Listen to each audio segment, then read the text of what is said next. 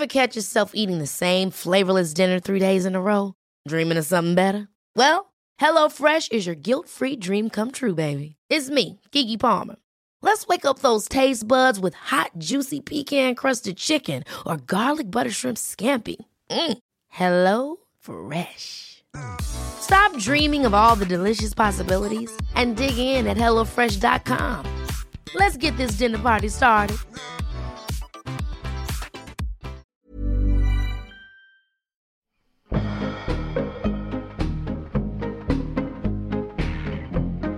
Ja, der var nogen, Ja. der, der mødte ind tre kvarter efter den aftalte tid. Det synes jeg ikke, vi skal tale om overhovedet. Jeg synes, Nå. det er fuldstændig irrelevant for den her samtale. Mm-hmm.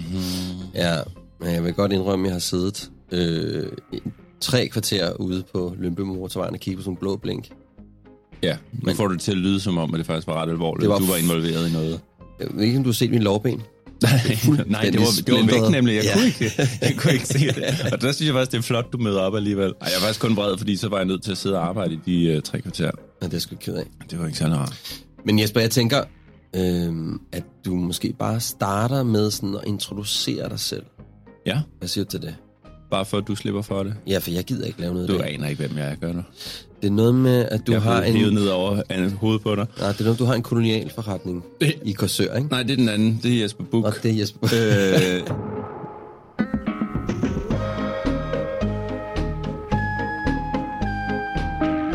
jeg hedder Jesper Suslag, og jeg er skuespiller og manuskriptforfatter og instruktør. Og øh, er her, fordi at jeg lige har lavet en serie, der hedder Ban hver mand, som kommer på DR1 til nytår. Sammen med Julie Rodbæk. Vi har skrevet og instrueret den sammen, og spiller også hovedrollerne sammen. Det er sådan en ting, vi gør. Det er en, øh, en ny serie, som handler meget om køn, blandt andet. Ja. Den handler om magt.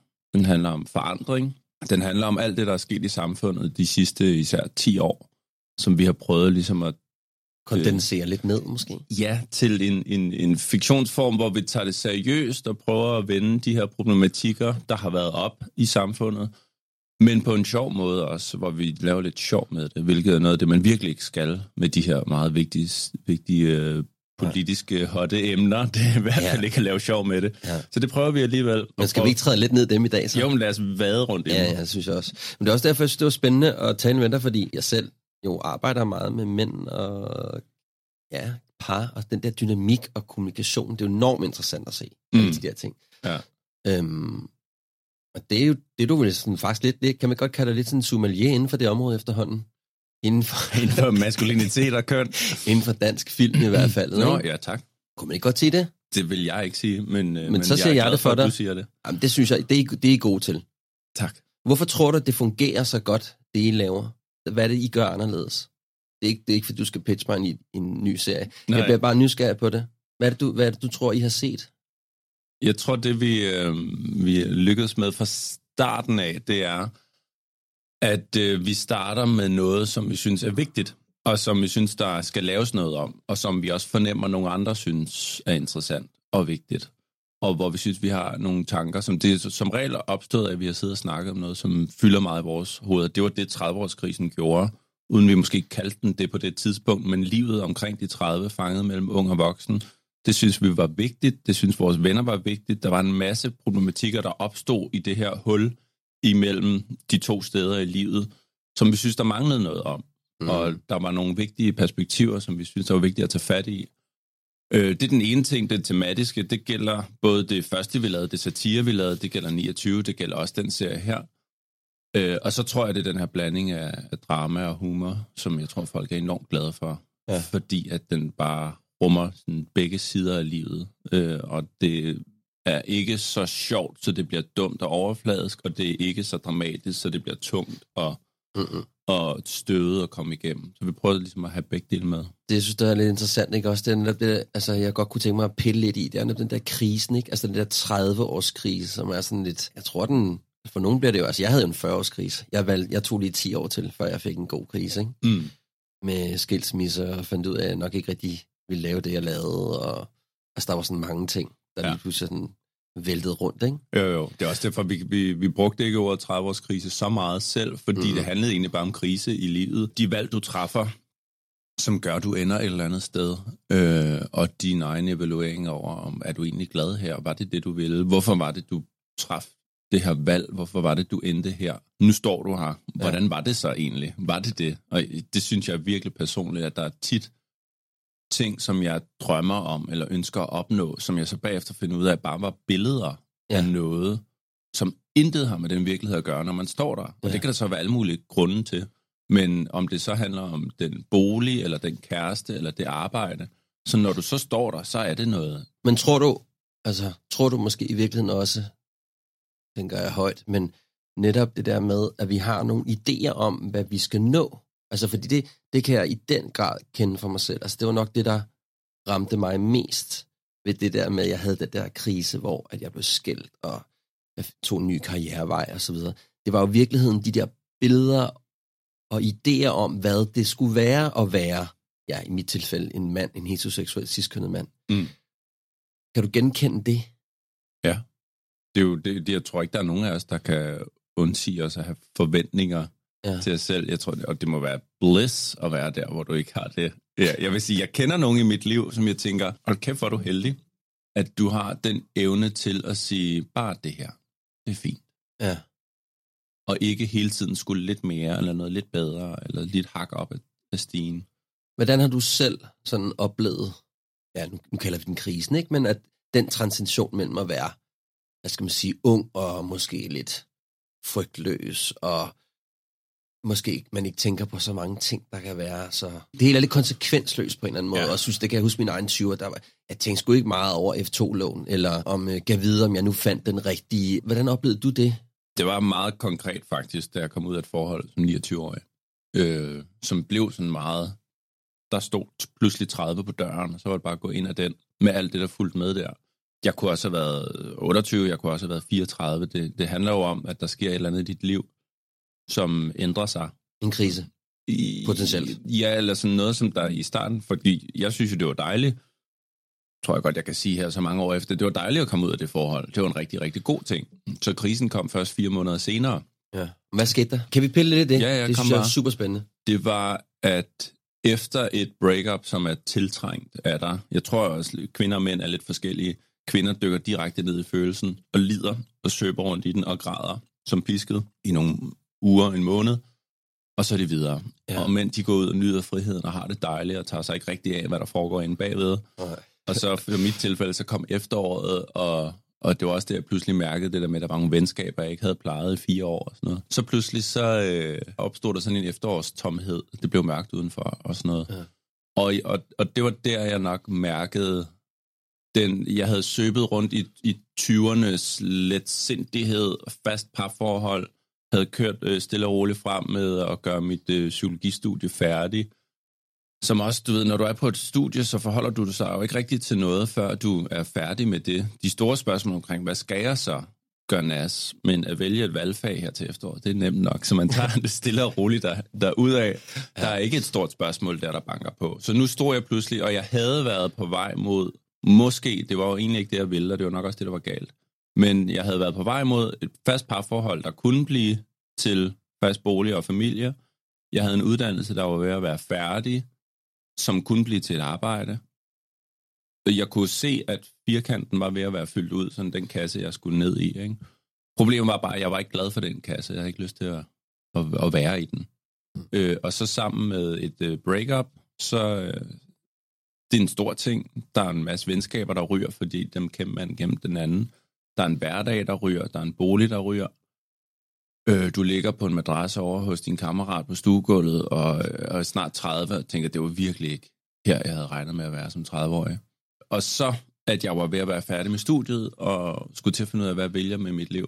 Og der, der stod jeg virkelig med et, et, en virkelighed, der ikke levede op til det billede, jeg havde. Ja.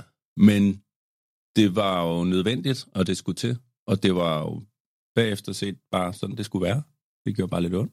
Hvad er det for nogle tanker, du gør dig i det, når du nu står der en, en mørk efterårsdag? Altså, hvad er det for nogle ting, der sker i dig? Det blev meget dramatisk, kan jeg mærke, det med, jeg sagde det på, men jeg ja, mente det ikke så dramatisk. Sker der hvad sker der egentlig i dig? Hvad tænker du, når du tænker? Ja. ja. Hvad sker der? Tvivl, øh, usikkerhed, sådan frustration over, hvor jeg er henne. Skuffelse måske over en selv. Hvad var det, du skuffede over? Over at jeg ikke var der, hvor jeg havde regnet med at være, eller ikke havde fået styr på det før, eller... Du ved, det var, bare, det var bare ikke et fedt sted at være, fordi pludselig var der ikke rigtig noget, der fungerede. Altså, hvad mener du med, at der ikke noget, der fungerede? I forhold til de parametre, man ligesom har i livet, som man kan måle ud fra, at De der der var... diasbilleder, vi har om, hvordan tingene skal være. Øh, ja, hvad hedder de fem søjler? Øh, arbejdet, øh, familie, venskaber, bolig, arbejde. Det, de der ting, du skal have styr på for, at- for at have et godt liv.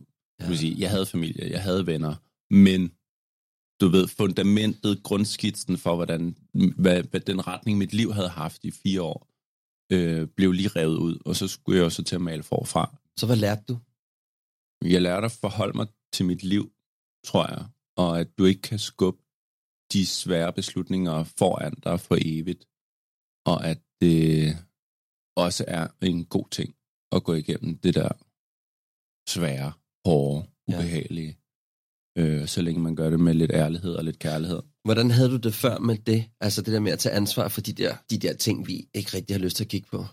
Det er ligesom alle andre, eller ikke alle andre, men ligesom de fleste andre, lyst til at gå en stor bu udenom. Det er Ja. det, der er det sjove. Der er, der er folk, og det er jo så fordi, jeg har ikke nemt ved at tage det. Jeg synes, det er vanvittigt ubehageligt, og jeg, jeg kan ikke lide at være i øh, konflikt med de mennesker, jeg holder af. Øh, bare fordi det gør ondt på mig. Øh, og øh, det, det har jeg skulle blive bedre til med årene.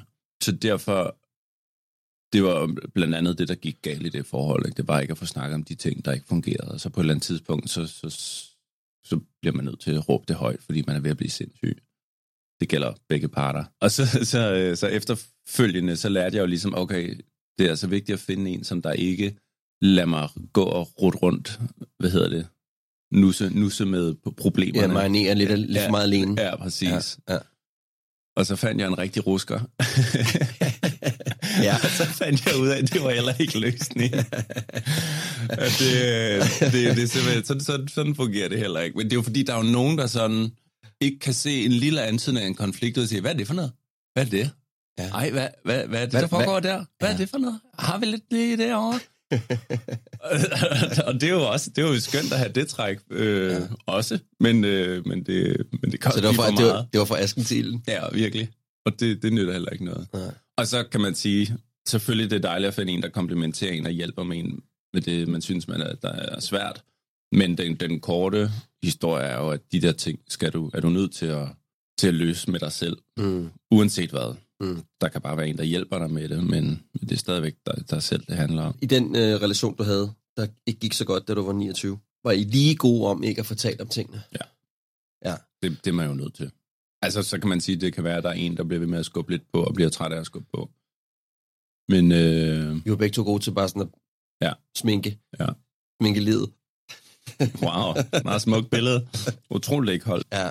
Der kan dage lå rådne over hjørnet, I kunne ikke.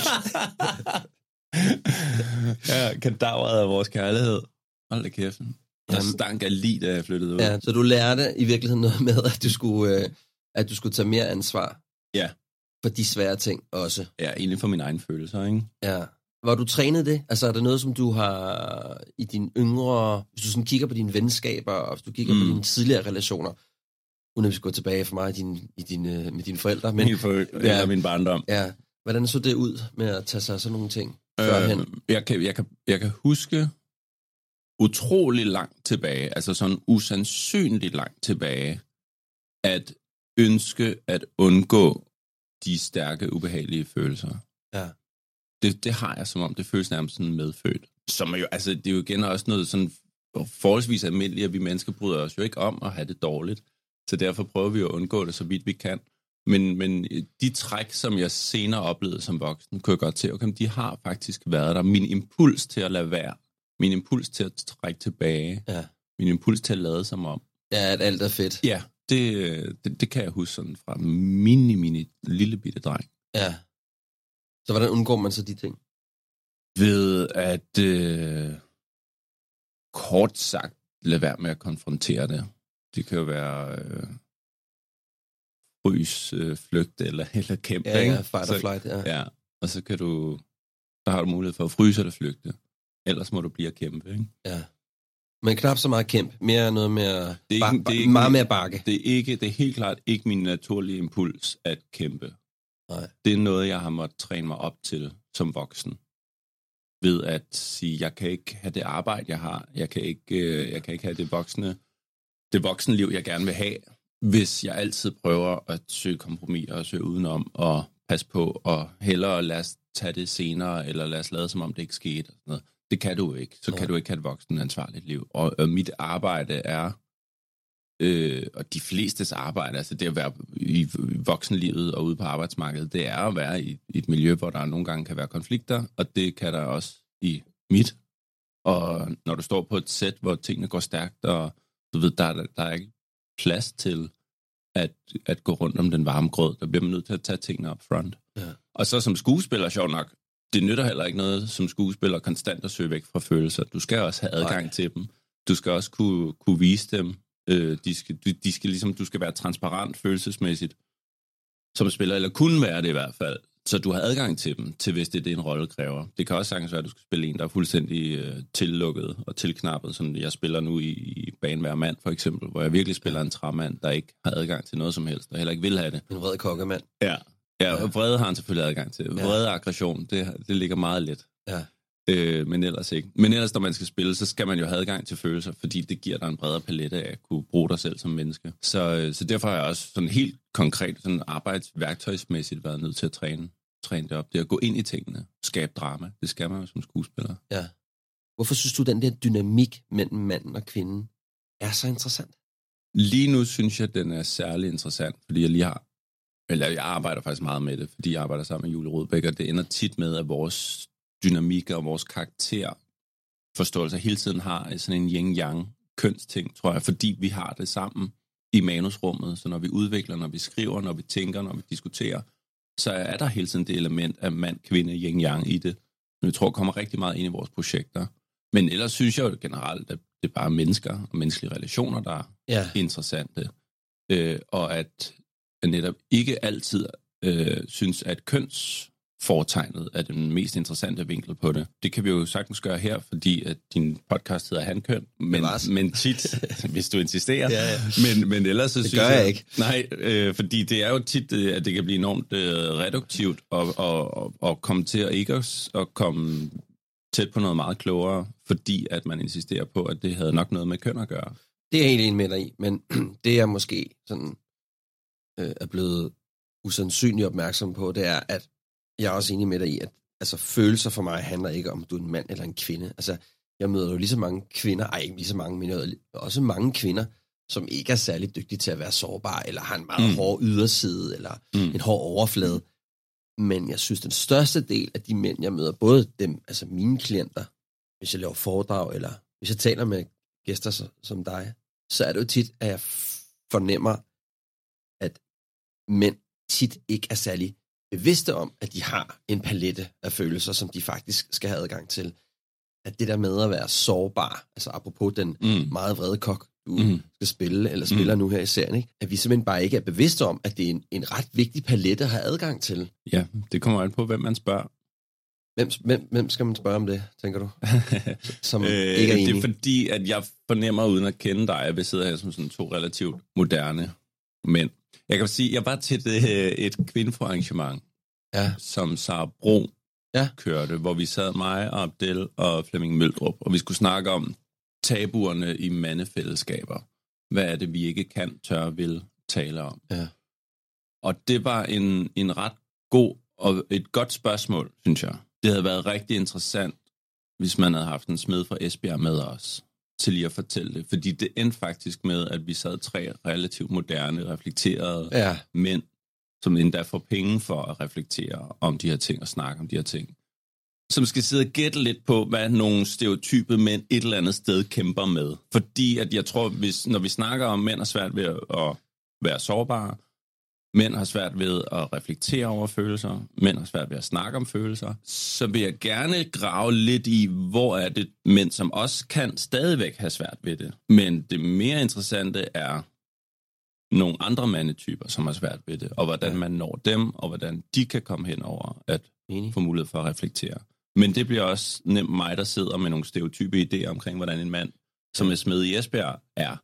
Så vi hurtigt kommer til at tale ned til ham, og det er derfor, jeg ikke derfor, jeg er lidt weary med at gå ind i sådan et spørgsmål, fordi jeg, jeg kan bedre sige, hvad er det, hvor er det, det er svært for mig. Ikke, Jo, ikke, ikke at mænd generelt har det svært med det.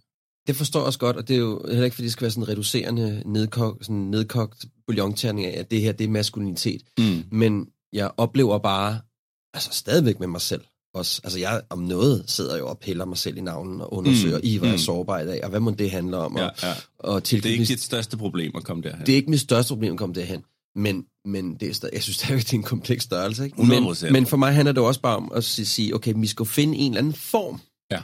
der er vores form. Og når jeg siger vores, så mener jeg, hvis du har en mere tendens til det maskuline side, ikke? hvis Mm. du er en hankøn eller en maskulin måde at være i verden på. Det synes jeg er jo interessant at sige. Hvordan kan vi finde en form, der er vores egen? Ja. Kan du følge mig lidt i den? Altså en refleksion og en sårbarhed, som ikke er mindre maskulin. Ja. Ja. Men også fordi, det jeg jo tit lidt oplever, det er, så er der en feminin måde, man skal være sine følelser på. Så jeg, jeg er med på, at der både er maskulin og feminitet i, i alle mennesker, men at så bliver det jo tit noget med, at man sådan copy-paster noget over hos kvinderne, og så prøver man den ligesom lidt af. Og det ved jeg ikke helt, hvordan det går med det. En af årsagen til, at jeg laver det her, det er jo også for at prøve bare at tale om tingene, som de er. Mm. Jeg er meget vild med den måde, som kvinder taler om deres egne følelser på, og Mm. den måde, som de undersøger deres univers på, mm. Og tager dig med ind i, i samtalen. Ikke? Jeg taler meget sådan med kvinder, de har jo meget sådan en cirkulær måde at komme frem til nogle ting på, Ja. og mænd er meget sådan noget A til B. Ja. Så Eller, kombination- bare, eller bare A. eller bare A, eller bare stop, stop for A. Ikke? Øhm, men det der mere med at sige, okay, men kunne vi ikke bare tale om det, Mm. som at det bare var noget, Ja. der var i os, uden at det skulle være noget med, at når du gør, og når jeg tænker, og så videre. Ja, helt kan, klart. kan du følge mig lidt i den? Ja, men det er bare, jeg, jeg, jeg føler faktisk med de øh, drengevenner, jeg har, er vi et ret godt sted, hvor jeg både kan se, at det ikke er, fordi træmanden er helt øh, uddød, Ja. Øh, og det er bestemt heller ikke, fordi vi sidder og kører i cirkulære øh, refleksioner omkring følelser og sådan noget, men jeg kan bare se, at vi har lov til over for hinanden at tale om det. Og det er stadigvæk måske kun 20 procent af tiden. Jeg er jo dybt fascineret af det der med, at kvinder kan sætte sig ned, og så det første, de spørger ind til, det er noget dybt og sårbart og vigtigt. Ja. Og hvis du så møder dem en time senere, så er de stadigvæk der. Altså, det er ikke, der er ikke nogen... De, de har ikke øh, nødvendigvis fundet en løsning, og de prøver heller ikke at finde en løsning. De snakker sammen, de reflekterer, de Mm. styrker hinanden. For mange kvinder, og det synes jeg er enormt interessant, Mm. det her uendelighedstanken. Der er Mm. ikke noget om, vi skal finde noget. Vi skal ikke finde frem til noget. Nej. Det er ikke sådan noget med, Nå, men så tager du ned på torsdag og kører grønne sokker. Mm. Altså, det er ikke det, det handler om. Det Nå. handler om farven grøn, ja. og hvad er en sok? Ja.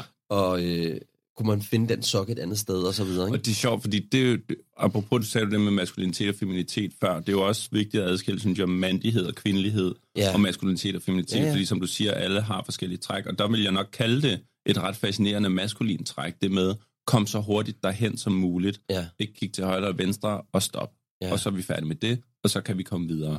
Og det er et træk, jeg ser både i, i kvinder og i mænd. Og det synes jeg er et godt træk. Det kan det være i nogle sammenhæng, ikke? Mm. men det er også rigtig, rigtig dårligt, i, når, hvis du kommer til en og siger, jeg har det altså rigtig dårligt med det her, jamen, så må du komme videre. Ja, ja det er ikke Altså, det er en dårlig Jamen, løsning. nu, nu kan du ikke kage rundt i det mere. Og jeg Ja. gider faktisk heller ikke bruge tid på at snakke med dig om det. Det er både en følelse, som jeg, eller det er en måde at reagere på, som jeg tydeligt kan høre. Nu siger jeg det nærmest som en joke, fordi det er så dårlig en reaktion.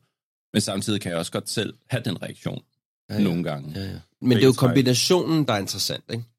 Jo, og, og det, der er formålet med det hele, tænker jeg, det er at finde det der sted, hvor, øh, som sagt, når jeg sidder og snakker med mine venner, det kan godt være, at 80% af tiden er, og det lyder også som en fucking kliché, men det er politik, historie, teknologi, arbejdsmæssige ting. Det var fire fingre, og den sidste finger er familie og følelser.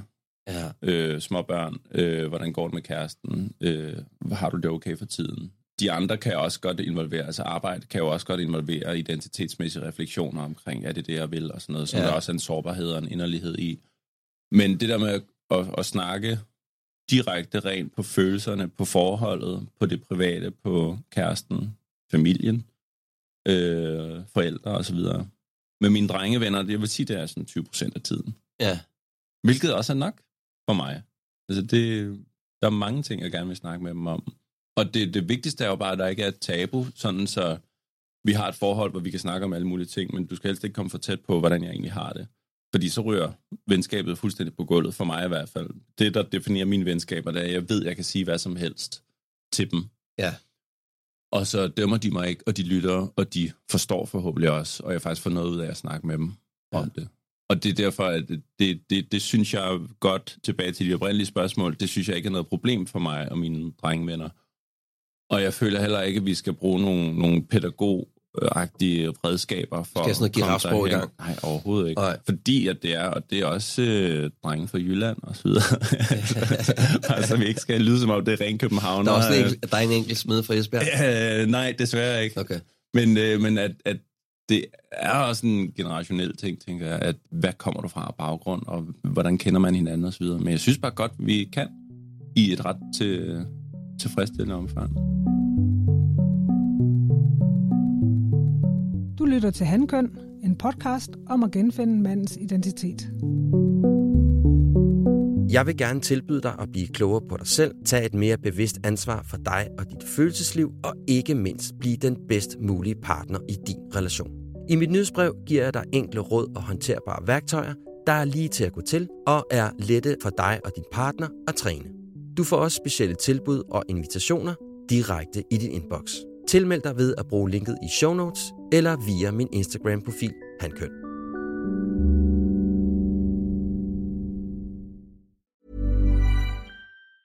Ever catch yourself eating the same flavorless dinner three days in a row?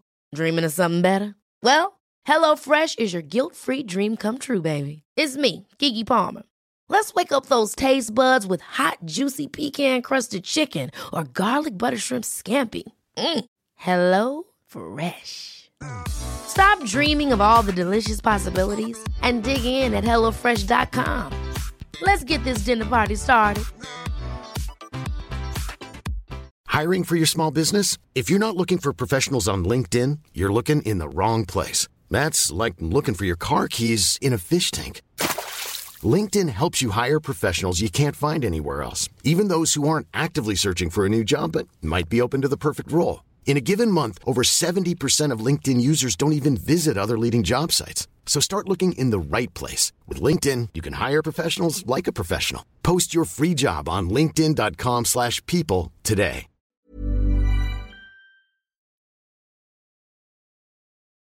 Og nu tilbage til episoden.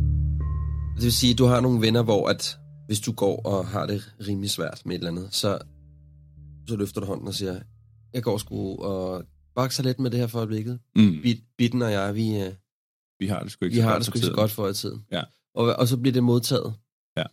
Jeg tror også med mine venner, det er meget det samme. Altså, jeg har måske lidt en tendens til, at jeg, meget gerne vil høre, om folk har det virkelig godt, eller hvad der sker ind i dem. Ja. Fordi det er jo bare, det er måske sådan occupational hazard, ikke? Nærmest grave lidt. Jeg kan godt lide sådan at grave hem, der, hvordan... Så godt har du det vist heller ikke. Ja, du, du ser ud som om, der er noget galt med dig.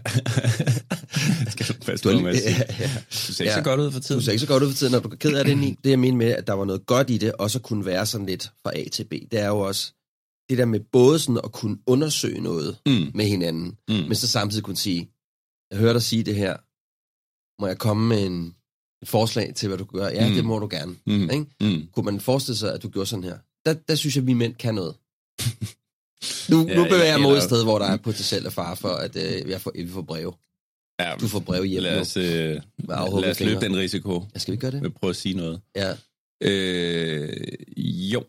Jamen, det er jo, jamen, jeg synes jo begge dele, det nytter ikke noget at snakke cirkulært om ting, når ikke kommer nogen vejen overhovedet. Kun. Nej. Øh, når det er sagt, så når jeg siger, at jeg kan snakke med mine drengevenner om alting, så, så, og, og, det, og det så kun er 20 procent af tiden, så må jeg også sige, der er jo også noget, jeg sætter sig ned med en veninde, som rent faktisk er klar til bare at sidde og lytte og reflektere og medføle, og, og, og hvor man bare kan mærke, der er, der er tit en bedre refleksion fra kvinder, fordi de har været omkring det før, eller noget lignende før, eller har en veninde, der har været omkring det før. Og de har bare tænkt og talt og følt mere omkring noget af det der, Ja, som gør, at de har noget, noget klogt at sige. ja.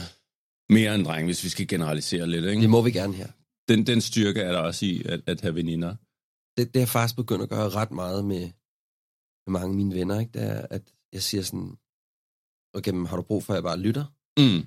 eller skal jeg lige finde øh, arbejdshatten frem, ja. Så vi finder ja. nogle løsninger. Ja, ja, ja. Og der, der er faktisk mange, der har svært ved at sige, Bare lyt. jeg har egentlig bare brug for, at du lytter. Ja. Men jeg havde sådan en, jeg havde en kæreste for nogle del år siden efterhånden, hvor jeg prøvede det af. Mm. Altså, Mhm. hvor jeg simpelthen, vi stod nede på Kongens Nytorv, og vi var ude at spise middag, Mm-hmm. og så sagde jeg til hende, har du egentlig brug for, at jeg lytter til dig, eller skal jeg komme med et eller andet? Ja. Potentielt semi-begavet. Ja, ja, ja. Jeg har bare brug for, at du lytter til mig. Ja. Det er første gang, jeg nogensinde gjorde det. Ja. Og så begyndte hun bare at tale om alt muligt, Ja. som betød noget for hende, og ditten og datten, og hun begyndte at græde og så videre, og jeg sagde ingenting. Nej. Jeg lyttede selvfølgelig til, hvad hun sagde, Ja. og det var sindssygt mærkeligt. Ja. Fordi jeg er vant til at skulle sige, ah, skal du så ikke bare gå derover, eller så skal du da lade ham være, eller Mm, hvad nu kan være. mm. Men det der med at få, men bare at stå der, Ja. og bagefter så sagde hun bare, tusind, tusind tak, fordi du bare lyttede til mig. Ja. Og jeg tænker, ja, det er fint. wow, Der er noget her, ikke? Det er så simpelt, men, men så Ja. svært. Og fordi der, jeg, jeg har det på præcis samme måde. Det var virkelig også noget, jeg, jeg skulle lære. Og vi skrev en scene i 32 om det, hvor Jesper Oles karakter, Tobias, han, ja. han øh, skal prøve at lære Jesper det, hvor Laura hun kommer flyvende ind og skidevred. Ja. Og så, så bruger han det, han kalder anerkend og give ret-metoden, som jo så er en lidt sat- satireagtig udgave af det, ikke? men det der med, at man bare lyt, og så, så bare tale med, og Ja. sige, det er da også utroligt, var. Ja. Det kan, men hvorfor kan de ikke bare forstå, at du bare, altså bare giv ret, giv ret, giv ret. Og så på et eller andet tidspunkt, så er det ud af kroppen på hende, og så siger åh, tak skat, jeg skal videre. ja, Øh, og så, og det, og det er overraskende brugbart. Ja. Og det er utrolig nemt at komme til, som du sagde før, det der med, øhm, du skal da bare, eller, jamen, det tror jeg ikke, fordi at det der med at undergrave deres fortælling, ja, ved at komme med alternative forklaringer på det, de siger, eller løsninger, som de ikke har bedt om.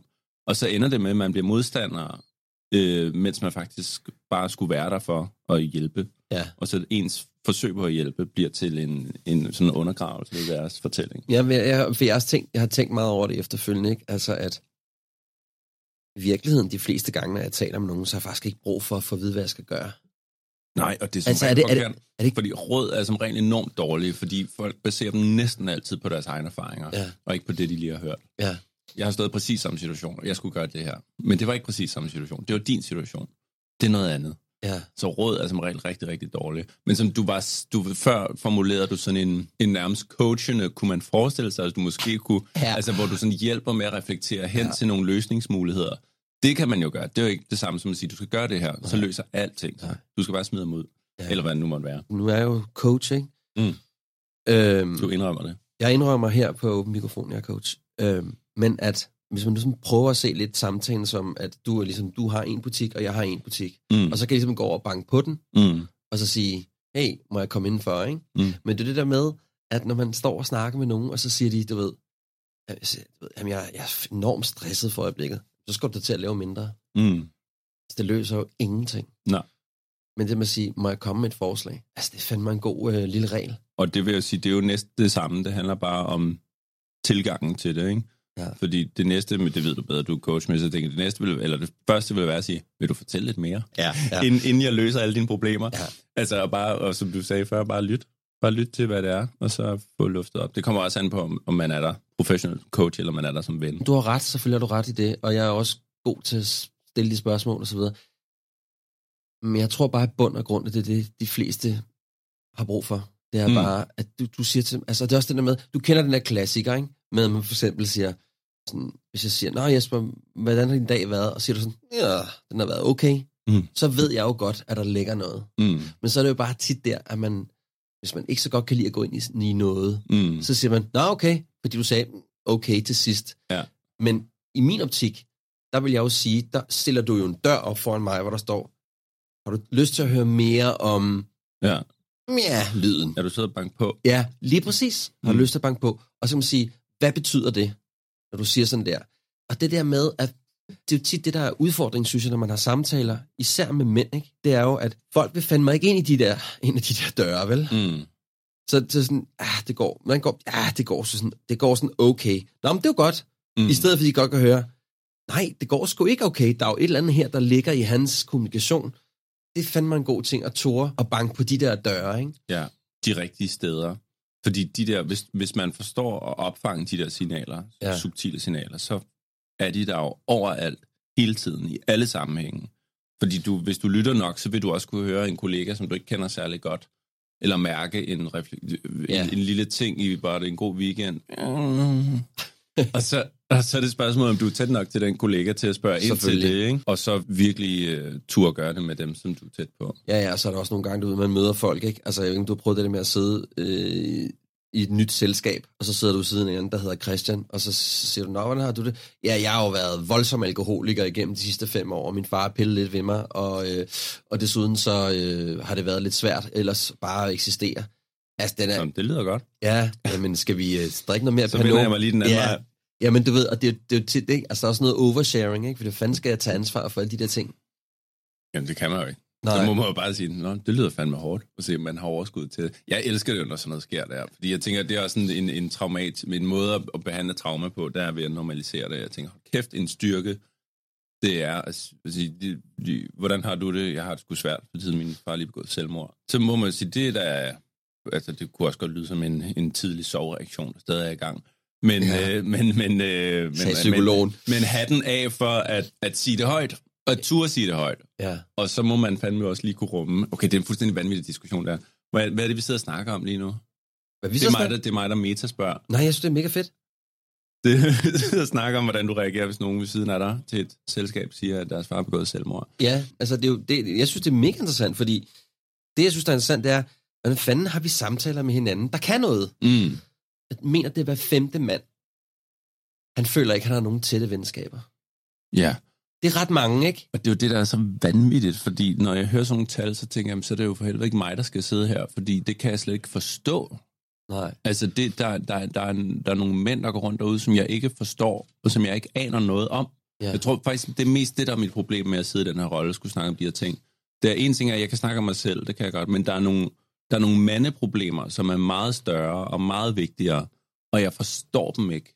Altså, jeg forstår ikke, at du som mand kan have ikke nogen Venner. venner. Hvor er du henne i dit liv? Hvad for en generation er du? Hvad er det for et arbejdsliv, du har haft? Hvad er det for nogle beslutninger, du har truffet i dit liv, som gør, at du ender med ikke at have nogen venner? Men en, en klassiker kunne for eksempel være, lad os sige, du er blevet sammen med den, den, den kære kvinde, du stoppede med, da du var 29, ikke? Ja. og I havde fortsat. Og du måske var en type, som havde, som du selv sagde, da du stoppede med hende, så var der lige fire års venskaber. Du lige skulle sådan, Mm. der skulle indu- indu- induceres med noget marinade, for at det fungerede igen, ikke? Ja, ja, ja. Men der er jo sindssygt mange mænd, der er mega dygtige til ikke at gøre noget mm. ved deres sociale netværk. Ja. Så når du har siddet i en relation i 15 år, for eksempel, nu tager vi bare dem som Ja. et eksempel. Hvis du har været i en relation i 15 år, og ikke gjort en fis for nogle af dine venskaber, så står du lige pludselig på gaden med to, øh, øh, to nettoposer og øh, dit liv gennem 15 år. Mm. Så har du ikke redskaberne til at ringe op og sige, og være sårbar og sige, hey, prøv at høre, Anders, vi ved godt, vi kan tale sammen i fem år, men jeg savner sgu at tale med dig. Ja. Så er det bare federe at sidde derhjemme, apropos det der Og med ikke drikke rødvin. og drikke rødvin og se Netflix. Mm. Det er jo en af dem. En anden ting er, hvis du er meget introvert, Mm. så er det jo sindssygt svært at gå ud at tale med folk. Men, men det er bare for at sige, men det er jo måske inspirerende mm. at kunne høre dig sige den måde, som du har taget dig af dine venskaber, hvordan du tager dig af dem. Ja. Og det er jo, altså hele konceptet her er jo at bevidstighedsgøre, hvad er det for nogle ting, vi mænd fedter rundt med. Ja. For eksempel det der med ikke at kunne sige til sin kæreste, ved du hvad skat, når du siger sådan det, så bliver jeg faktisk super ked af det. Mm. Sådan en lille sætning. Eller bare række ud til en ven, fordi, som du ikke får snakket med, fordi du Ja. er et fast parforhold. Og, der. og få det gjort, Ja. altså få, få skabt noget kultur omkring. Jeg synes, det er jo det, der er problemet for mænd, at vi har ikke kulturen for det, hvor kvinderne skal nok få sørget for at få set med folk, og skal også sørge for, at man... Jeg snakkede med en, en ven forleden, som lige var blevet sendt på date med sin far af sin mor, Ja. Fordi at de skulle ud og, han skulle ud og rejse, og så skulle faren også afsted. Og så, så, så havde moren ligesom fået sørget for at connecte. Det var den weekend, faren også tog afsted. Og så var det kun lige til sidst i processen, de lige var nødt til at ringe til hinanden og sige, okay, så det er altså afgang 17.30, det er vi enige om. Det er godt. Ja. Hej. Og så var det det. Men resten havde moren ligesom sørget for. Så al initiativet, al planlægning videre, havde, havde kvinden taget ansvaret for. Ikke? Præcis. Og det er den kultur, der er så utrolig dårlig. Ja. Men, men, og jeg, jeg prøver selv at, at gøre det med, med min far, at jeg synes, vi, vi, vi, vi, vi er ret gode, synes jeg, til at få lavet nogle aftaler, Ja. hvor det er bare os to, og få gjort de ting, som vi synes er, er sjove sammen, hvor, hvor, det der med alenetid med den ene forælder er enormt værdifuldt, fordi man bare får snakket sammen på en lidt anden måde. Ja. Det prøver jeg at få gjort.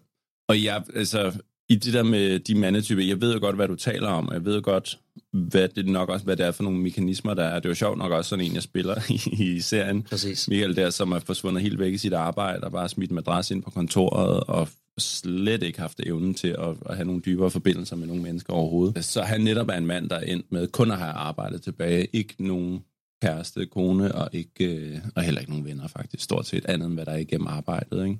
Og forsvinder de så, når arbejdet forsvinder. Altså, det er, det er sgu en vigtig pointe, fordi altså, Det er jo nok den vigtigste, fordi det er jo de Ja. mænd, der virkelig har problemer. Og det er de mænd, der virkelig, hvad skal man sige, svigtet af det strukturelle system. Det er ikke kun kvinder, det går ud over. Det er også de mænd, som der har forsøgt at leve op til at være en rigtig mand i mange år, med deres arbejdsfokus og deres øh, provide for familien, og deres måde at være på generelt, så de ikke lige har fået prioriteret de vigtige sociale ting, og de har ikke haft nogen redskaber til at have de venner der. Og så, øh, så senere i livet, så altså det er jo fuldstændig vanvittigt, de der tal for, for mænd, øh, i forhold til ensomhed og alkoholisme og sådan noget. Det er Ja. jo helt uhyggeligt. Ja. Og sådan et kæmpe, kæmpe svigt. Jeg så sådan et foredrag øh, med Emma Holden, og nu kommer ja. jeg Ja. til at lyde enormt... Øh, ej, hvor du øh, Woke. elitær. Ja, ja, ja, det er jeg. Det står Ja. ja. jeg, men det står jeg heldigvis ved.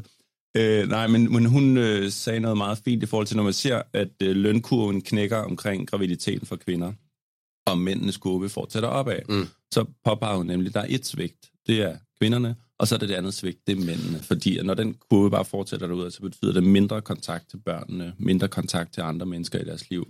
Og det er det, man ser resultatet af, når det bliver 60 plus.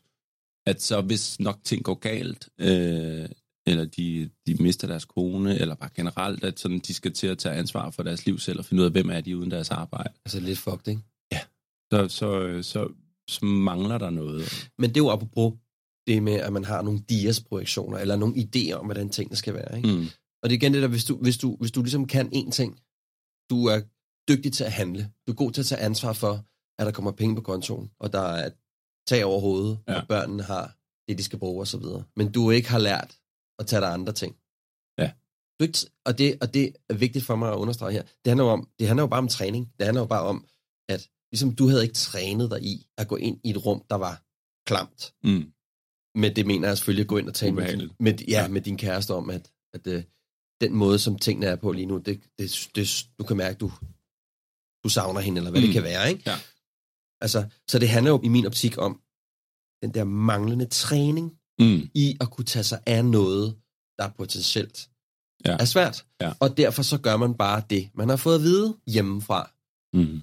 Og altså, de lavede jo også nu, når vi nu er i gang med at male de store, øh, med de store sorte toner, altså de lavet sådan nogle undersøgelser, øh, og det siger næsten sig selv, men det er meget interessant alligevel, at de har jo spurgt de her mange mænd, der har ligget på deres deathbed, altså døden den er, og så sagt, hvad, hvad fortryder du ved liv? Jeg fortryder, at jeg ikke brugte mere tid med min familie, Mm. eller mine venner. Mm. Ikke?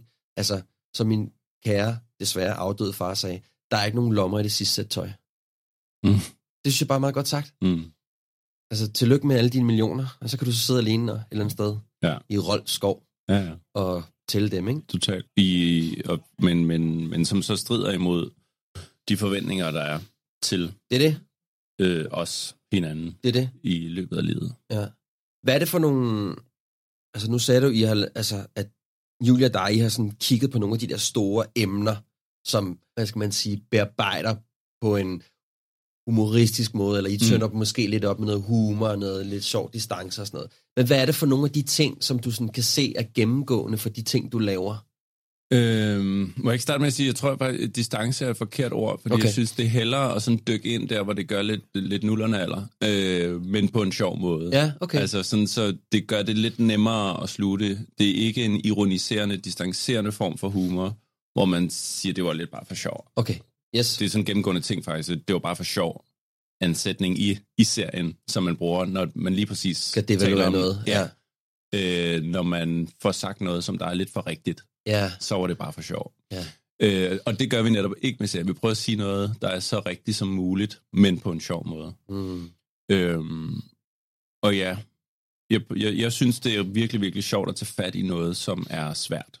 Og det synes jeg, det her er. Det er svært at navigere i den, den måde, øhm, samfundet har forandret sig på, så der er nogle, nogle grupper, der før ikke er blevet hørt, som nu har fået en stemme, og fået plads, og fået medvind, øh, tiltrængt. Mm. Og der er blevet et opgør med nogle, øh, nogle magtstrukturer, som alt sammen er tiltrængt og godt. Og, øh, og samtidig er der også enormt høje bølger i debatten omkring det, som gør, at du næsten ikke kan sige noget, uden at blive flået ud på den ene fløj. Ja. Og det gør det enormt svært at tale om, fordi at så, hvis man sidder, som vi sidder her, og prøver at se tingene fra lidt forskellige perspektiver, Ja. frem og tilbage, vi prøver at lægge os et eller andet sted fornuftigt i midten, øh, så, så det, det har der stort set ikke været plads til i de debatter, der har været omkring de samfundsforandringer, der har været de sidste 10 år. Enig. Det synes vi var på tide, at der var det, og et forsøg på det, og på en sjov måde prøve og, øh, og, at lave et nuanceret billede af de problematikker, der har været op, som er ligestilling, hyggeracisme, små grænseoverskridende adfærdsting i hverdagen, magtmisbrug på den lille skala, som det foregår på arbejdspladsen, og prøve at tage fat i de problematikker og situationer og typer, hvor køn er en stor del af det, og prøve at pege på, hvad er det, der er sket i de sidste år. Det er som om, der er en meget gammel verden, fyldt med hvide, heteroseksuelle, cis-kønnede mænd, som er blevet flået ud af deres virkelighed, og som får dem til at øh, vågne op lige pludselig og sige, hvad er det, der foregår? Stop det hysteri. Og så er der en anden gruppe, som, som skriger på en forandring, som går alt for langsomt, og som også skal til, øh, men som også kan, kan virke enormt voldsom en gang imellem i, at hvad er reglerne for vores sprogbrug nu, og hvad er racisme nu, og hvad er ligestilling nu. Bølgerne går enormt højt. Ja. Og, og man håber ligesom på, når det der pendul svinger frem og tilbage, så, så går vi ud mod den ene fløj, og så på et eller andet tidspunkt begynder det at vende lidt tilbage til en normal tilstand, og så kan det være, at det svinger ud i den anden side. Og der tror jeg, vi er lidt på vej tilbage mod en midte, hvor de fleste nu efterhånden er træt af at høre på dem fløjene, der skriger af hinanden. Ja. Og nu skal vi til at snakke om, hvordan får vi hverdagen til at fungere for alle os, der egentlig bare står inde i midten og prøver at gøre det så godt vi kan. Ja. Øh, og det er et godt tegn, hvis vi begynder at kunne lave sjov med det. Ja. Og ikke tage det alt for seriøst. Selvom det ikke skal være mindre øh, alvorligt eller vigtigt af den grund, men bare det med at prøve at have lidt sjovt med det, og se det med et glimt i øjet. Ja. Så, så det er et forsøg på at lave en serie, der tager fat i de her problematikker på en sjov måde, men, men alligevel også får sagt noget. Og derfor var det så vigtigt for os virkelig at få den skrevet, så der er ikke nogen helte og skurke i den. Fordi det ville være forfærdeligt, hvis man kom til at lave en serie, hvor det selvfølgelig bare var de unge kvinder, som der har ret i alt, hvad de siger. Ja. Og hvorfor skulle man sige dem imod? For de er jo fornuftens stemme. Eller en serie, hvor det ender med at være den gamle, fornuftige boomermand, som der jo nok ved, hvad der er op og ned i den her verden. Ja. Selvfølgelig er det ikke sådan. Så vi har prøvet at lave en serie, hvor alle faktisk tager lidt fejl, og alle derfor også har en lille smule ret. Men det synes jeg da generelt, I er ret gode til i de ting, I laver. Tak. Altså når jeg kigger på det, fordi jeg kan jo både se din karakter, Jules karakter og så videre. Altså, der, der er hele tiden, der er ikke noget sådan, den ene er fornuftig, eller den anden er ikke, altså, Nej. eller den anden er en idiot, ikke? Nej, nej, nej. Og det er måske også bare enormt, jeg synes, det er enormt vigtigt, fordi igen, altså hele tematikken, det vi sidder og taler om i dag, det er jo der med, jamen, i virkeligheden skal vi være så modige at sige, at der er nok noget fra begge verdener, som kan bruges. Ja. Der er nok noget med, at der er nogle kvaliteter i det maskuline, Mm. Som stadigvæk kan noget. Mm. Der er noget med, at det feminine har nogle fantastiske kvaliteter, som også kan noget. Mm. Det er jo kombinationen af de ting. Ja. Ikke? Så det er noget med at sige, jamen, det maskuline bliver jo nu engang tiltrukket af det feminine. Mm. Det er måske noget med måden, vi tænker på, Mm. sådan helt biologisk, måden vi kigger på verden, vores interesse i detaljen, vores ønske om at handle og så videre.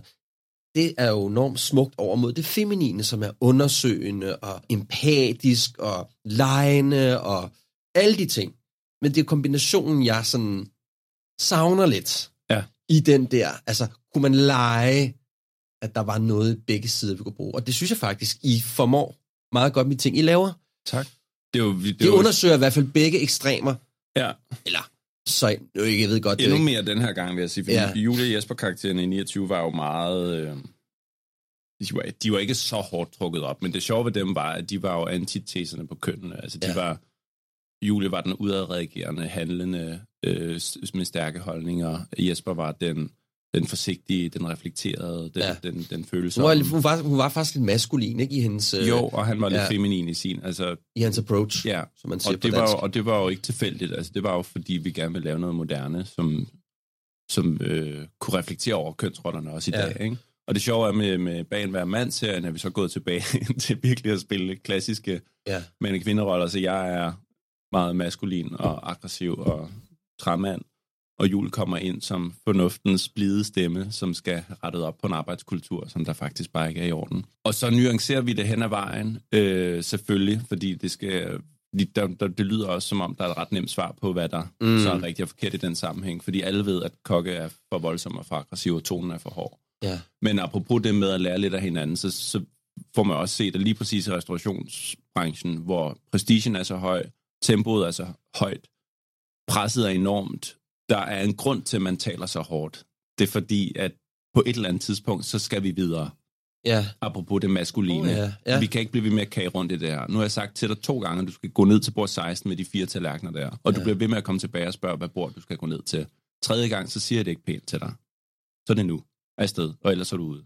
Ja. Du det, det, det, der kan du ikke sige, åh, det kunne være så dejligt her, nu hvor du er vendt tilbage tredje gang, hvis vi sammen kunne blive enige om, at det måske var, var bord 16, du gik ned til den ja. her gang. Imens maden er varm. Ja, præcis, fordi nu Ja. er den faktisk kold. Ja. Så nu kommer den helt sikkert tilbage til mig igen, og så kan jeg lave den forfra, og så Ja. mistede jeg de penge. Og jeg prøver i forvejen at kæmpe meget, meget hårdt for at få en lille smule overskud i den forretning her. Ja. Så din inkompetence, den har jeg faktisk ikke tid til. altså, der, der, der er en grund til det ind, ud, hurtigt, A til B, videre, Ja. ja. og ikke så Ja. meget snak, og ikke så meget pjat. Ja. Og jeg synes, vi var i, i lærer på en restaurant. Det var dybt fascinerende at være i, fordi jeg er enormt dårlig til det der. Det var virkelig sådan, jeg kunne høre, når jeg skulle råbe to kød, så fik jeg råbt det på en måde, så der lå en undertone To af, kød? hvis du har tid, ellers så siger du selvfølgelig bare til, ikke? Ja. Og det endte med, at de står og kigger på mig, og sådan kniber øjnene sammen og siger, hvad? Fordi det er gennem et, et køkken med røg og damp og tempo Ja, og sådan noget. kasseroller, ikke? der- Fuldstændig ja. ja. larmer, så kan man ikke Ja. ja. stå der, øh, to kød, eller, eller synes du? Det ved jeg ikke. ja. Hvordan vil du have det med at lave noget lammesteg? ja.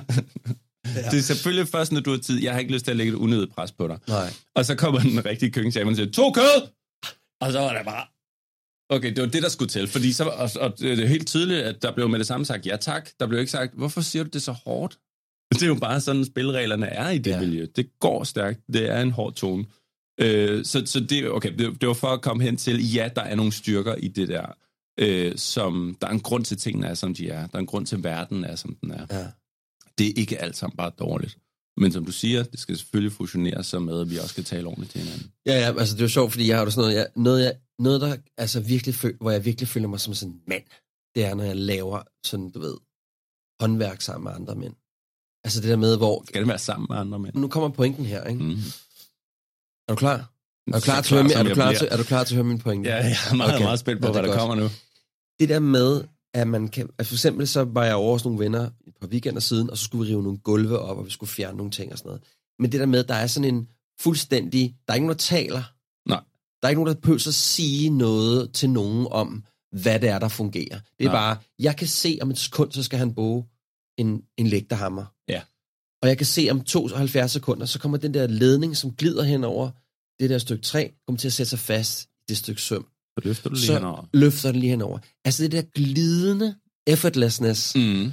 Der kan jeg mærke, det kan godt være, det ikke er maskulin. Nu, det, Det, det det føles... at sige, hvad var det særligt maskuline Jamen, det ved jeg ikke. Med, med, Ej, men jeg med, kan også mærke, nu træ, jeg, I'm retracting. Ja, det bliver du nødt til, fordi Ja, det der lyder, det. jeg forstår fascinationen 100%, men, og jeg forstår også godt Det er, måske, det er måske noget, jeg tit oplever, når jeg ser mænd arbejde sammen. Det er den der, den der sådan lidt maskine-ting. Det synes jeg er mega... hvor kvinder de kager rundt i det. Kvinder, de er jo bare lort. Ja, nej, nej. til alting. nej. Øh, Men det, ja. jeg, sidder, jeg, jeg sidder på overhovedet ingen måder her, og lad os skynde os og trække det tilbage. Men jeg forstår, hvad du mener. Jeg har, lidt? det er sådan, jeg har det med et øh, filmsæt, hvor det er, jo, det er jo mit køkken, hvor kommunikationen, fordi det, det koster 25.000 i timen eller sådan noget at køre sådan et sæt, så tid er penge. Ja. det skal gå stærkt, samtidig med, at kvaliteten skal være høj. Præcis det samme som mit køkken.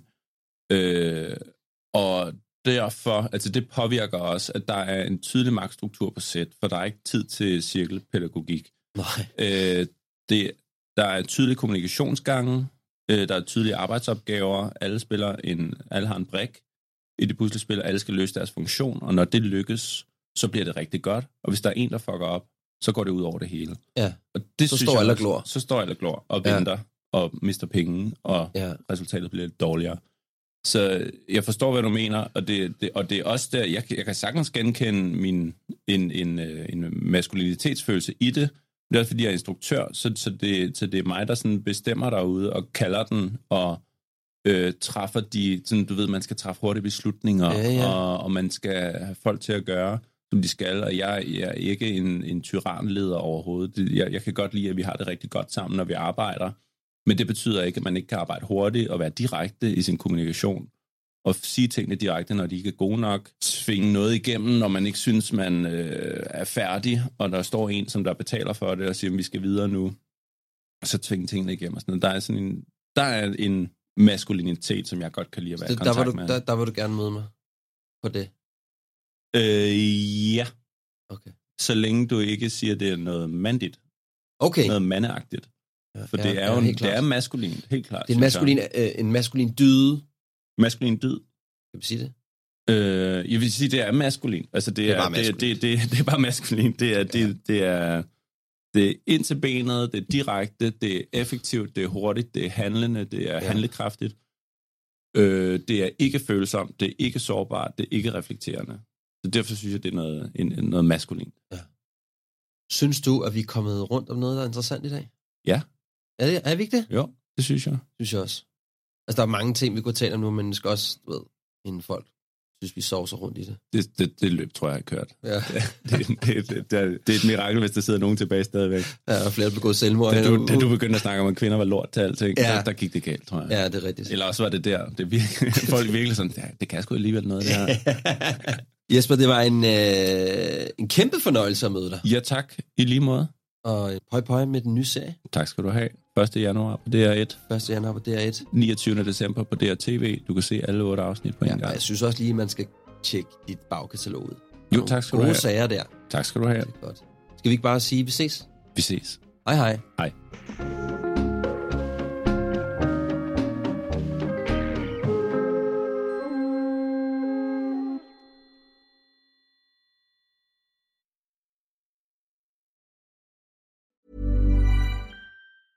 Ever catch yourself eating the same flavorless dinner three days in a row?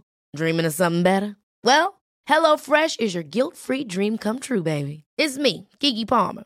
Let's wake up those taste buds with hot, juicy pecan-crusted chicken or garlic butter shrimp scampi. Mm. Hello Fresh.